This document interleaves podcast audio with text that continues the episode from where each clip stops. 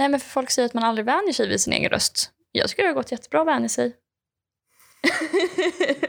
Jag tycker jag har en vacker röst. jag är jättenöjd. Jag tror inte vad folk tycker att de är fula. Jag är så snygg.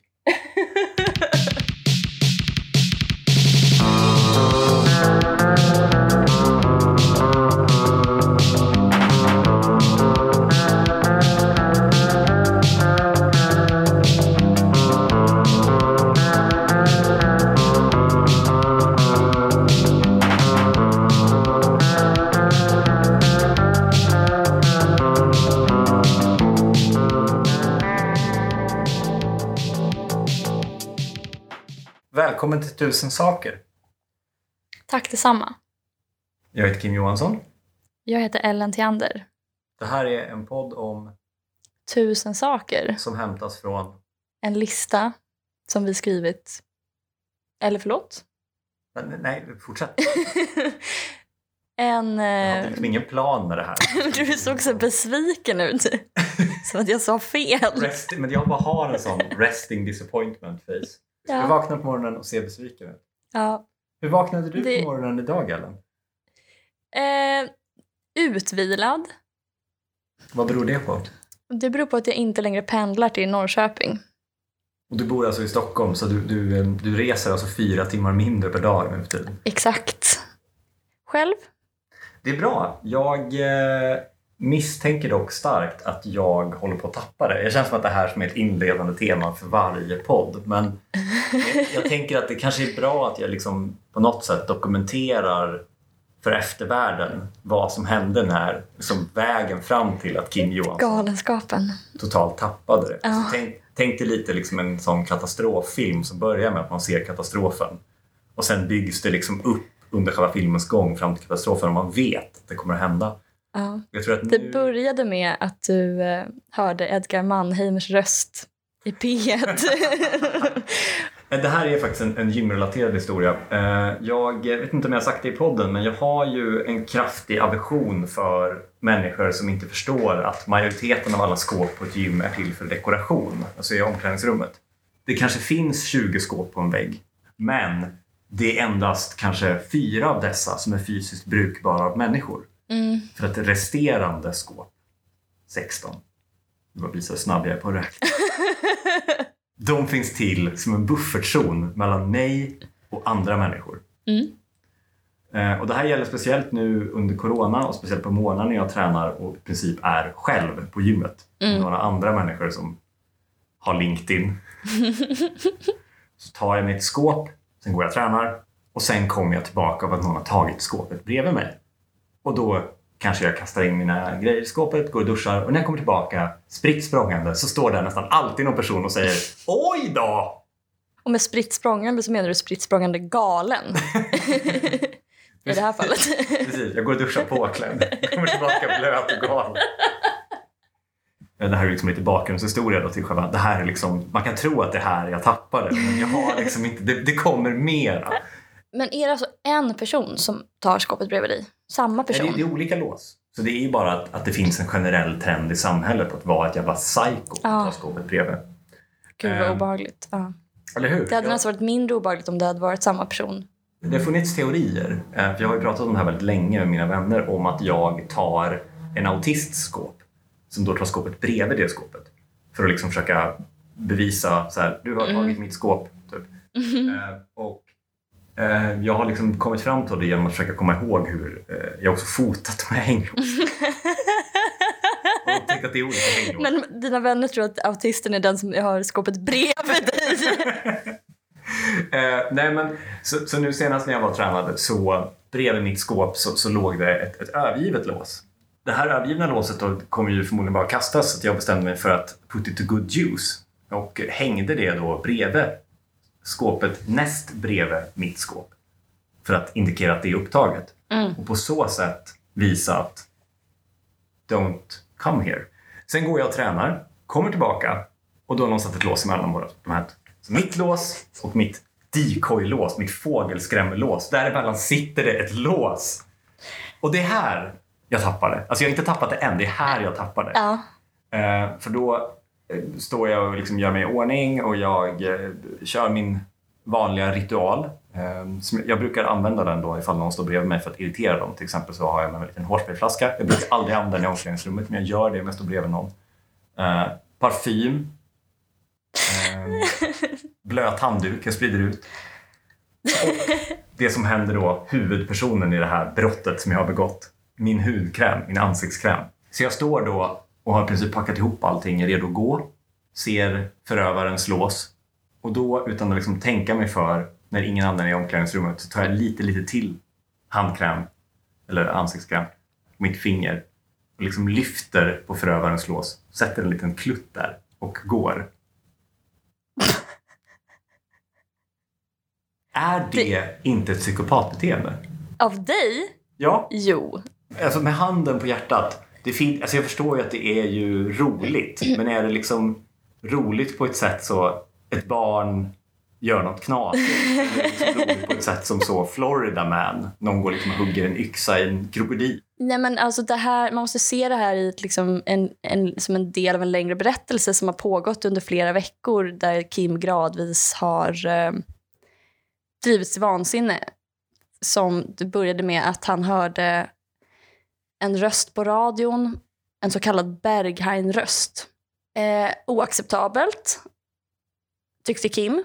Det är inte en officiell Den tusen officiella- saker.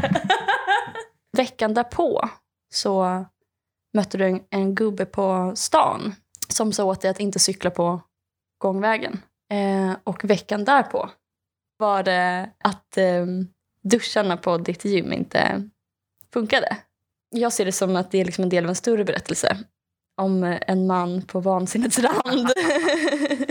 Jag eh, har ju liksom också på något sätt råkat ut för att jag gjort en parafras på en känd eh, Jonathan Unge, ett känt Jonathan Unge-skämt eh, som handlar om att man, man är liksom rasist tills man tänker till. Han liksom eh, är ute och kör stand-up med Soran och sen så kommer han in och så ser han Soran och så tänker han ah herregud, en, en rånare. Och sen tänker han till och inser att men där är min kompis, Soran. Jag gillar honom. Han så här, jag är rasist. Sen tänker jag. Liksom.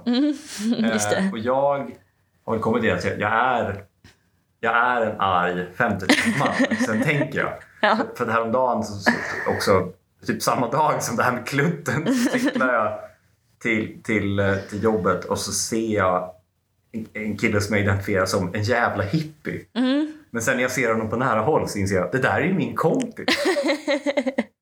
Jag tycker ju om honom. ja. Nog om den pågående upprinnelsen till en orosanmälan mot mig. Finns det ingen sån allmän uppförandenämnd? Man kan anmäla oskönhet. Fan. Nu är vi alltså tillbaka efter att eh, nya röriga Kim inte hade spelat in sitt... Eh, hans mikrofon var inte på. Inte nu heller. Och inte nu heller. Röriga, arga Kim. Det var så en rolig karaktär att vara så aggressiv och rörig. Jag är förbannad, men jag vet inte varför. men det är väl skönt. Har inte jag varit... Har inte jag framstått som präktig i ditt liv väldigt länge nu? Det kommer in Jag älskar ribban. nya psykotiska Kim. Jag vill ju följa upp någon... Åh, Gud, nu fick jag... nu är det verkligen psykos.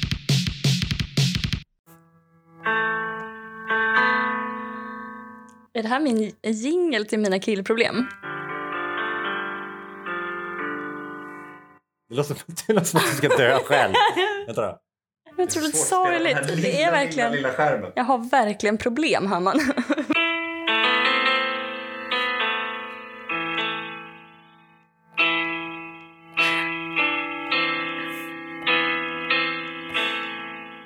Hellens killproblem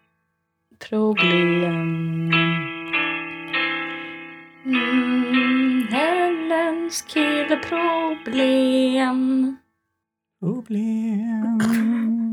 Enorma problem. Enorma problem. Berätta nu för eh, din månghövdade psykologskara om de eh, sakta framväxande anknytningsproblem. Eh, nej men min, min elaka kille då. kan vi kalla honom. På tal om orosanmälan. ja. Då liksom, eh, vet du, pitchade min elaka kille en, eh, en poddidé som heter eh, Fem saker. och så ska han då um, varje vecka prata om fem saker. Samma fem saker varje vecka. vad, vad är det för saker? Nej, men sakerna är... Framför allt så kanske det är en sak egentligen. Och det är att ehm, det finns en liten förpackning mjölk. Jag vet inte om det är kanske tre deciliter som man kan köpa. Mm. Eh, som har lång hållbarhet. Har den? Mm, inte, inte alltså den vanliga. Det är någon specialmjölk. Men den är bara extra lång hållbarhet så länge man inte öppnar den. Eh, det vill säga, för det första så gäller det för all mjölk. och alla, Det låter som alla mjölk, matvaror. Det fast låter- mindre. Eh, det är kort sagt mjölk. Fast tre deciliter av någon anledning. Men då är det också så typ roligt. exakt lika mycket som en stor mjölk? Jo men exakt, ja, det, det, det gör den säkert. Eller kostar typ 8 kronor. Alltså då, det hade varit en sak kanske om du hade kunnat köpa en så här, ett stor pack mjölk som du kunde ha liksom, i 20 år. Eh, om krisen eller kriget kommer. Men nu är det liksom bara så kan du ha tre deciliter mjölk Men alltså, hur länge du vill tills du öppnar dem. tills du öppnar den. Men du, då blir det ju när du har öppnat dem så har du ju, alltså, i och med att det är tre deciliter, du har ju en mindre mängd mjölk att göra av med. Du hinner ju liksom dricka upp den lilla mjölken. Ja. Alltså egentligen hade det kunnat, den hade kunnat vara kortare hållbarhet också.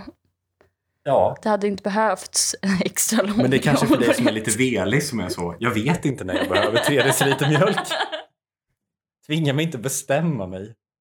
Jag vill väl kunna ha tre deciliter mjölk när jag vill. Ja. Inom ett två veckors intervall. Men ska han liksom prata eller ska det bara vara så ett avsnitt där han kanske eller kanske inte skjuter startskott för den här mjölken? Nej, jag tror bara, alltså, han vill bara prata om det i avsnitt efter avsnitt varje vecka. Samma ämne. Men Alltså, alltså, olika älta. takes? Nej, bara samma, älta samma sak. Jag kan föreslå för honom att han ska bjuda in olika gäster kanske som har olika vinklar på det. Jag hade ju ett, ett privat projekt, jag vet inte om man kan kalla det projekt, där jag fotade en och samma gatstump i ungefär ett år. Eh, Och försökte göra något nytt på det varje dag. Mm. Och du lyckades. Ja, det var ju många lågvattenmärken. Ja, jag tunade in. Jag satt bänkad varje... Varje dag. det. Ja, det var rafflande. Hallå? Ja, det var jag. Då. Ja. Med barn 13 och 14 oktober. Mhm. Punkt 993. Skrift är en teknologi. Ehm, jag, jag förstår ingenting av den här punkten så det måste du ha skrivit. Men förstår du, du förstår inte omedelbart vad jag menar. Jag förstår aldrig omedelbart vad du menar. Det är inte det hela upplägget för podden att, att eh, du förklarar saker för mig och jag kör ordvitsar för dem. Jag skriver obegripliga saker som vi sen måste avkoda. Och tack vare att skrift är en teknologi. Förklara för mig hur skrift är en teknologi. Nej, men skrift är en teknologi för att det är det som möjliggör... Skriften introduceras ju för vad, ja, vad är det, 4 000 år sedan. Människor har ju väl funnits i 200 000 år. Så större delen av mänsklighetens historia är ju utan skriften. Liksom. Mm. Eh, men många av dem, alltså mycket av det sättet som vi tänker på och som vi har, så hur vi har organiserat vårt samhälle bygger på liksom, skriften. Och det är ju alltså det är ganska avancerat liksom, att, eh, att ha ett system där du kodar, du skriver ner liksom, tecken som får symbolisera ljud. Och det är liksom ett, som en, ett märke som bläck eller någonting på ett papper som, som får representera någonting som i- liksom egentligen inte har. Det är liksom inte ens en bild, det är bara en abstraktion. Liksom. Mm. Och det bygger på att, så här, vi, att hela befolkningen är också läskunnig och skrivkunnig. Men och det, det påminner ju om det som du pratade om eh, förra veckan, som är där du berättade om alltså, hur värmlänningar berättar historier. Alltså, superkort så, så handlar ju det om att jag har blivit anklagad för att ljuga när jag berättar historier.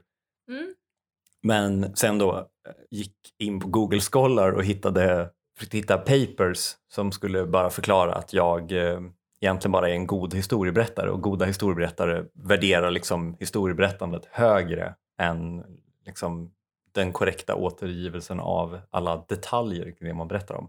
Mm. Eh, och hittade då texter av en forskare som jag konstant under den här veckan när jag pratat om det har kallat för rådbegär. men, men då tydligen heter Rådinger. Ja, men så du har hittat helt enkelt eh, fakta, forskningsunderlag som stödjer dina, dina personliga tillkortakommanden. Jag har aktivt grävt efter det, ja. Nej, men det här fick mig att tänka då på en helt underbar bok som jag läst som heter Muntlig och skriftlig kultur. Teknologiseringen av ordet av Walter J. Ong. Det handlar helt enkelt om skriftspråket som teknologi och vad det, hur det har påverkat liksom, mänsklig kultur. Och bland annat vårt berättande och också andra delar. Det har liksom påverkat vårt medvetande, vårt tänkande på väldigt många olika sätt. Mm. Och bland annat då så är det ju först i och med skriften som vi kan börja säga att saker och ting är sanna i princip med hänvisning till en, eh, en referens liksom, som är en absolut referens utanför oss. Mm. Eh, som vi har nedtecknat liksom, och lagrat utanför kroppen. Källhänvisningens födelse. Ja, och just om man tittar på liksom muntliga kulturers berättande eller sätt att strukturera sitt tänkande så är det efter minnestekniska regler. Mm. Så att, för att hur ska man kunna liksom föra vidare kunskap och hur ska man kunna tänka saker om, man inte, om det inte finns något sätt att spara informationen? Jo, då gäller det ju såklart att tänka tankar som går att minnas. Mm. Så då, till exempel då, jag ska se om jag kan hitta det citatet. Nu bläddrar du alltså live i boken efter dina hundöron. Eh, för att lösa problemet med att kvarhålla och minnas en omsorgsfullt artikulerad tanke måste man tänka enligt minnestekniska mönster utformade för att göra en muntlig upprepning möjlig. Tanken måste formas enligt starkt rytmiska, väl avvägda mönster i upprepningar och antiteser, i allitterationer och assonanser, i epitetiska och andra formelartade uttryck, i standardiserade teman, i ordspråk som alla hör ständigt och jämt så att de lätt rinner upp i minnet och som i sig är form- formulerade enligt ett mönster som gör att de lätt kan hållas kvar eller snabbt kan framkallas i minnet eller i någon annan minnesteknisk form. Så några sätt som man kan organisera det här tänkandet på, är, eller pratet på, är att det liksom är sammanställande snarare än analytiskt. Så att man liksom samlar ord i grupper, eller vad man ska säga. Istället för att säga liksom eken som ett isolerat föremål så säger man kanske den stolta eken. Ja, man ger saker och ting ett epitet. Eh, eller den segerrika oktoberrevolutionen. var ett exempel ur boken. klassiska, klassiska exempel. Man, Klassiska exemplet. Eh, obs, det var inte jag. det var Sandra Beijer. En typisk beijerism. Han kom in, han kom in i rummet som en segerrik oktoberrevolution. Ja, och tog han mig med storm. Tog med storm. Nej, men sen är det också ordrikt. Eh, för att i tal så kan du inte, redigera, du kan inte redigera tal. Det enda sättet du kan möjligtvis redigera är genom att tillföra. Liksom. Så det är liksom additivt. Vadå, så, så i, i skrift, du menar att man kan liksom bearbeta det man har skrivit för att, för att ta bort felskrivningar? Men om, om, om du berättar något för mig, då kan du bara, om du säger fel då, kan du bara fortsätta, du kan bara försöka lägga till saker för att rätta till ditt fel. Ja, Precis. Ursäkta, jag sa fel. Eller liksom lägga till helt enkelt förklaringar. Man försöker bortförklara genom att lägga till och lägga till och sen så kanske man, det är liksom basen för hela det är liksom Larry Davidska humorimperiet. Ja, verkligen så. Curb your enthusiasm sätt att prata på. Okej, men då är jag med. Som det, vad vad var det du sa? Jävla hippie. Jaha, ja Nej. precis. Nej, jag menar inte... Jag menar inte att du Jag är en jävla att du är hippie, du är ju min hippie. kompis. Jag kände att du var en jävla hippie. Det menar inte att jag tycker att du är en jävla hippie, jag bara kände det. Ja. Men vad jag känner är irrelevant för min åsikt om dig. Jag menar inte att det är något fel på hippies. Jag menar bara att jag känner inte så starkt för dem. Om du hade varit en hippie så hade jag inte tyckt mindre om dig. Jag tycker bara mer om dig nu. Nej men precis, och det funkar ju inte riktigt heller i... Alltså så att tveksamheter måste också lite grann raderas ut ur talspråkliga kulturer. Så att det, det handlar också om att framställa någonting på ett trovärdigt sätt. Och det kanske har lite med att göra med det också. Det, för det också eh, finns en viss konservatism i muntliga kulturer. Att så här, för det ska bevaras liksom i... Ja, men det är ju ofta kunskap som förs vidare över väldigt lång tid, över många generationer som måste sparas i mer eller mindre liksom en intakt form. Mm. Det funkar inte liksom att gå runt och helt plötsligt börja sväva iväg och börja tänka helt eh, liksom, fritt, något in, helt individuellt. Du kan inte ha en egen åsikt bara sådär. Eller du måste förhålla dig till, till liksom tidigare tankar, alltså det, det, uppkomsten av typ en referensram. Vad menar du? Nej, men jag menar bara att det, det, det, möjligheten av att liksom trycka spara på kulturen i det skedet den är då. Mm. Och helt plötsligt måste man förhålla sig till det. Liksom. Mm. Vi, vi har ju sagt det här en gång. Precis. Men det är ju också möjligheten att tänka högre tankar för man kan stå på giganters Mm. axlar. Ja, just. Ja, man måste hela tiden liksom ha alla berättelser i sig på något sätt Mm. och upprepa dem. Uppkomsten av A-kursen. Ja, ja precis. Alla är på sån A-kursnivå i alla områden. Kan liksom lite, lite grann om Foucault. Gud, vad jag skulle säga mer om det? Nej, men jo, alltså det, den är, det uppdateras också. Så att det är inte så att liksom, man går runt och upprepar helt obsoleta saker. Liksom, utan det är ju så här... Men det var någon berättelse till exempel om... Som, eh, jag minns inte vad det var för land, men, men där var det liksom någon muntlig... En, en berättelse om hur landet hade uppstått genom någon, någon som hade fått fem söner Mm. Och fördelat typ, landet på något sätt i fem regioner.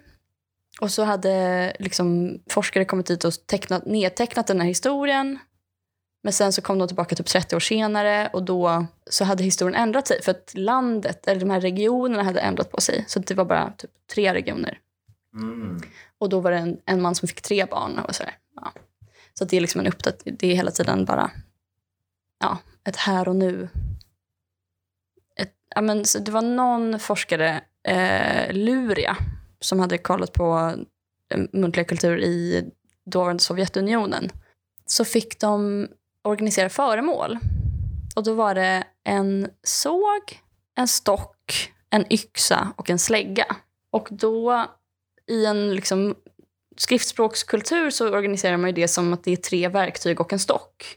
Men i de här muntliga kulturerna så organiserar man det som att det är samma föremålskategori. Typ. Mhm. För att man har så här situationsbundet tänkande. Att så här, det, det här använder man för den här situationen som är att ja, såga en stock. Eller, ja. eh, möjligtvis var det någon som föreslog att släggan skulle bort.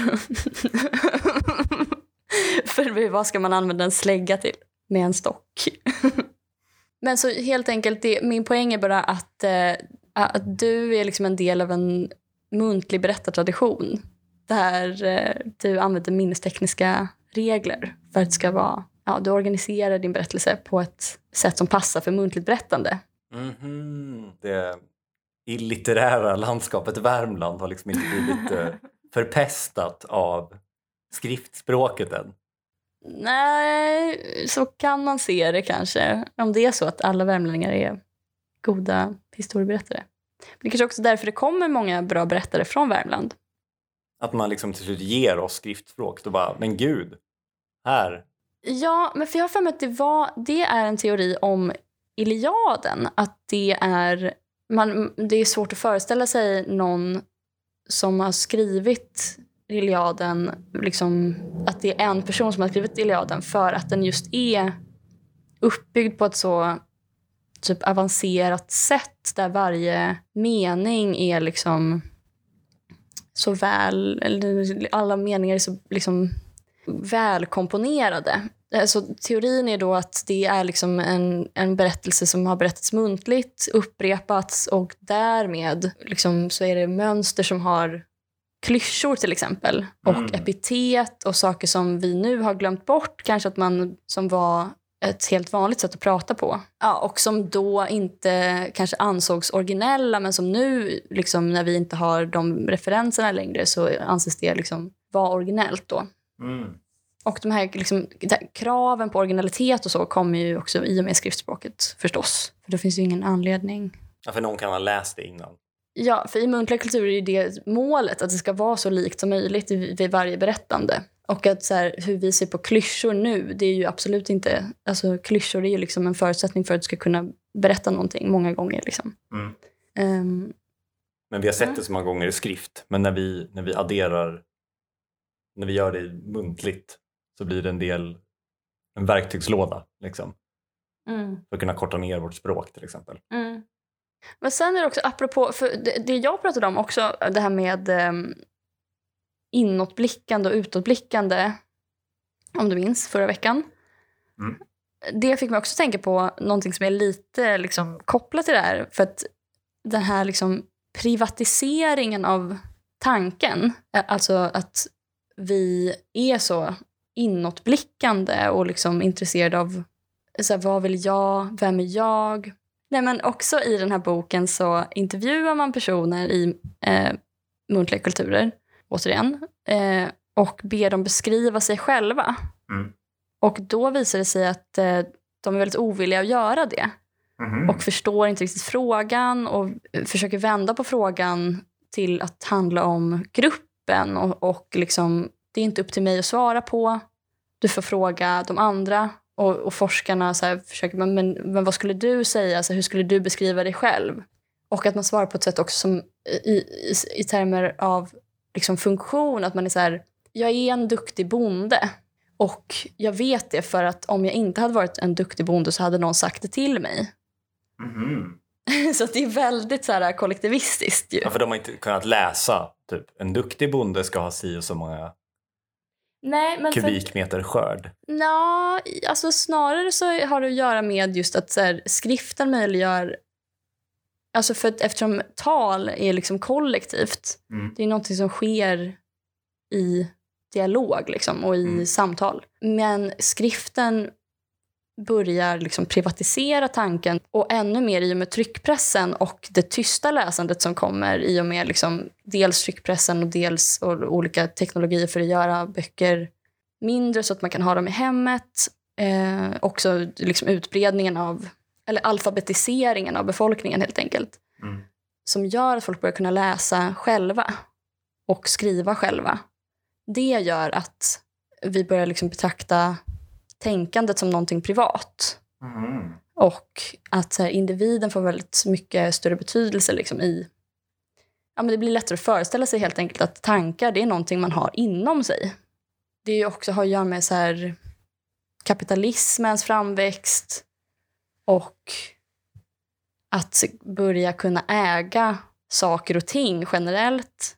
Och under, på 1700-talet så utvecklas liksom upphovsrätt och så här, det här behovet av att liksom kommodifiera saker som uppstår i och med kapitalismen, det bidrar ju ytterligare till den här liksom, alltså varufieringen av tankar som är, alltså upphovsrätten är ju ett sätt att säga att så här, du kan äga tankar, du kan äga idéer och du kan sälja dem. För det fanns ingen poäng i att typ äga tankar och idéer om du innan du kunde ha dem för dig själv. För du var tvungen att ha liksom en motpart. Alltså så här, ett resonemang krävde någon att resonera med. Ja, men snarare att så här, eh, liksom kapitalismen skapar ett behov av att allting ska gå att sälja. Mm. Och då funkar det inte att vi går runt och liksom delar på, geme- på liksom idéer som egentligen är det sättet som idéer funkar på. Alltså det är ju inte så att idéer uppstår ur liksom ens själ, typ. alltså ur en isolerad person som bara liksom föds och börjar tänka massa tankar. Det, nu kanske jag blir jätteförvirrat och jättelångt, men det har ju att göra med... Alltså, samtidigt som kapitalismen växer fram så växer också romantiken fram. Mm. Då börjar man liksom formulera idéer som någonting som en person, ett geni, kommer på. Mm. Och det är en medfödd förmåga som är en gudomlig förmåga. Guds liksom, inspiration transcenderar, så uppfyller geniet. Liksom. Och sen så skriver geniet geniala alster och de är originella. Och de måste skyddas av upphovsrätt. och säljas på en marknad. och de behöver också, sen så finns det ytterligare en komponent som är eh, den goda smaken. Mm. Som eh, så liksom alla de här Svenska akademin, alla akademierna, de uppstår under den här perioden också. Och då är tanken att så här, för den goda smaken får man också av Gud. Och du, behöver den goda smaken för att uppskatta snillets geniala skapelser, liksom. Mm. Verk. Ja, och därför har vi eh, Svenska Akademin. Så det, vi har bara 18 såna per liksom, ja, generation. Eller vad ska säga. generation Mm, föds det 18 personer med god med smak. god smak. Men det är ändå någonting som, ett liksom, eh, tankegods som är väldigt svårt att göra sig fri från. Vi är stabila enheter, vi tänker unika tankar och skapar or- originella verk. Punkt 422. Fler borde uttala tunnelbanan som frukten banan. Tunnelbanan. det här är också du, för jag vet inte vad tunnelbana är. Det är ytterligare en punkt om banan. Jag förstår inte varför. Men vadå, vad- har du något på det? det, det, det Nej, jag bara- har absolut ingenting på det. Det är bara, det vore, det vore väl kul om folk eh, säger "Nej, men jag hoppar, jag hoppar på tunnelbanan nu. jag är hos dig om tio minuter. Ta, jag, jag tar bananen. Jag, jag tar bananen. Cyklar du tar du bananen? Ja, Ja, det, det har något. det har eventuellt något. Ja. Jag tycker det var... det, var, Dun, dun, dun, det var bara det. Vill du ha mer vin? Ja, tack. kommer ju vara berusad. Eh, punkt 737. En sorglig bild. Jag är i en galleria där de spelar harmoniska naturljud och har växtbeklädda väggar. Mm. I, det var- den heter typ Gallerian, eller? Som ligger här i- vid Sergels torg, typ. Jaha, Gud, jag trodde verkligen att det var Mall of Scandinavia. För där Ja, de ah, där är det också naturljud. Ja. Och de har nyligen skaffat det i grannbostaden Galleria i, eh, i Uppsala. Det är en sorglig bild. Det är verkligen en sorglig bild. Nej, men jag tycker att det känns ofta som att jag liksom är med i den här filmen Passengers med, med Chris Pratt bland annat. Alltså att, Mm. att jag liksom går runt i ett sånt liksom, människouppehållande tempel som har allt jag behöver. Liksom. Förlåt, men ska du inte säga hen? För det är väl bara två skådespelare? Ja. Jag vet inte vad hon heter. Jo, men hon heter ju eh, Jennifer Lawrence. Jennifer Lawrence. Det hade varit så härligt om du feminist eh, mig och sen ändå inte kunde säga det. Ja. Jennifer Lawrence. Ja, ja. Jag hade dåligt samvete när jag bara sa Chris Pratt. Också bland annat. Bland annat, Som, som att det kryllade av... Chris Pratt plus tjej. Jag kan känna att jag är med i, i filmen Passengers med kända skådespelare. Att jag är en sån yta med livsuppehållande system. Mm. Liksom. Det är ju sorgligt på något sätt, för det är ju allting nu. Resan är ju, som det så ofta sägs, målet. Och med den, liksom, en- i en galleria så, så uteblir liksom själva resan. Det är bara massa mål hela tiden. På Mall of Scandinavia kan man ju dessutom nu bo, alltså inte bara på hotell utan permanent. Du kan liksom köpa ett hus på Mall of Scandinavia. Den, men, du har väl sett den mäklarannonsen? Nej. Det är ju en, en klassisk mäklarannons som jag råder alla att googla upp. Den kallas ju för Vi på taket. Sa du att det var en klassisk mäklarannons? Ja, ja, en av många så att säga. Familjen Frukt är ju en annan sån klassisk mäklarannons. Och det här är alltså en annons då för, för radhus som är byggda ovanpå Mall of Scandinavia med hiss rakt ner i gallerian och egen paddelbana. Åh herregud. Ja. Eh, För att sätta scenen då, för våra lyssnare som inte har befunnit sig i Mälardalen. Det här är då alltså peak bostadskrisens Sverige. Där liksom, å ena sidan så har du människor som har stått tio år i bostadskö och bor i tolfte handkontrakt. Och på andra sidan så har du människor som köper Oscar Properties lägenheter för 12 miljoner. Men då kallas då den här annonsen för Vi på taket. Och eh, jag läser högt från eh, mäklarfilman eh, Husman Hagberg. En dag på taket Townhouse. Det är liv och rörelse i Mall of Scandinavia. Det är fredag. Jag gillar liv och rörelse och det är därför jag bor här, mitt i centrumet. Trots att vi fått barn och allt. Jag gillar lugnet också. Det vill man ha när arbetsdagen är slut. Här får jag både och. Både liv och lugn. Jag är den moderna människan som vill ha allt. Och på ett sätt tror jag faktiskt att jag har fått det nu. Låter det märkligt? Det är det inte. Jag går förbi alla sorters affärer med allt man kan tänkas behöva. Vid mataffären går jag in. David, som jobbar där, slår in lite lamracks i papper och ger till mig. Jag behöver inte stå i kö. Han vet precis vad jag vill ha. Jag trycker på hissknappen, eller pausknappen som vi här uppe på taket kallar den.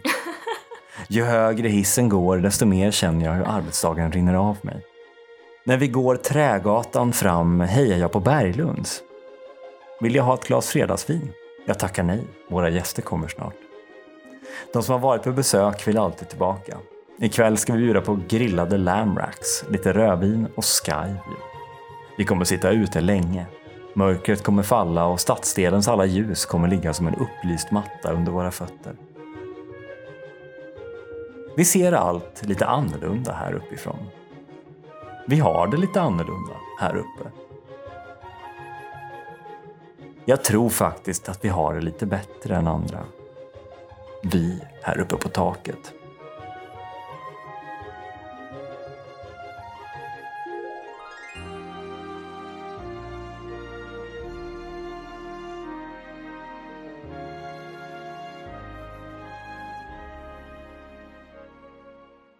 Men det är så hemskt för att, att eh, liksom sälja gallerior eller eh, liksom affärer eller sälja kapitalismen, eller vad man ska säga, Mm.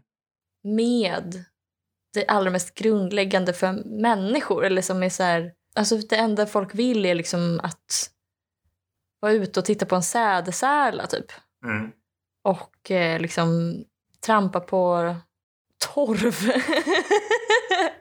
alltså man vill liksom att eh, titta upp i en liksom katedral av tallar. Men jag måste ju spela djävulens advokat här då. Är det något fel då om den här torven eller jorden under fötterna ligger på taket på Westfield Mall of Scandinavia?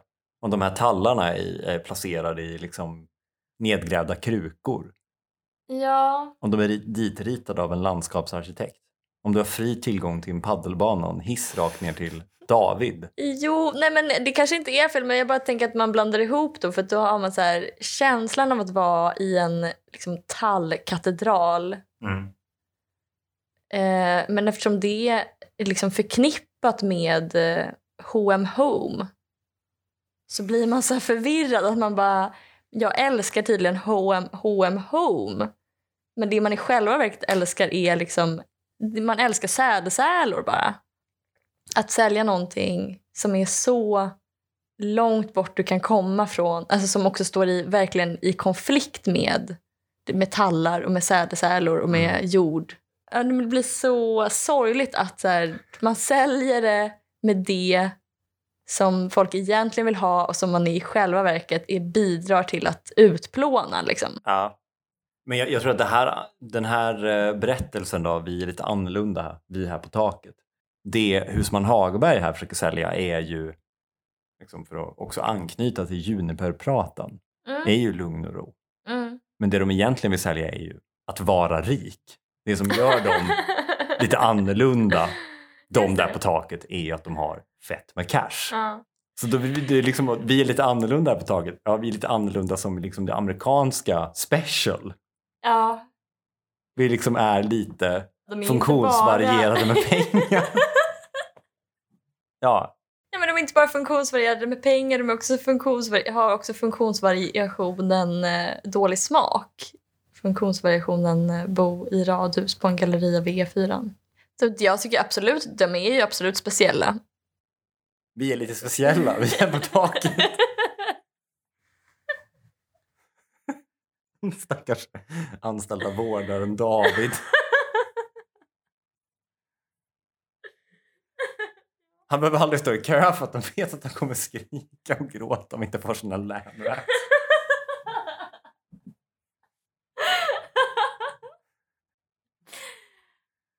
Kom nu, kom nu så trycker vi på pausknappen.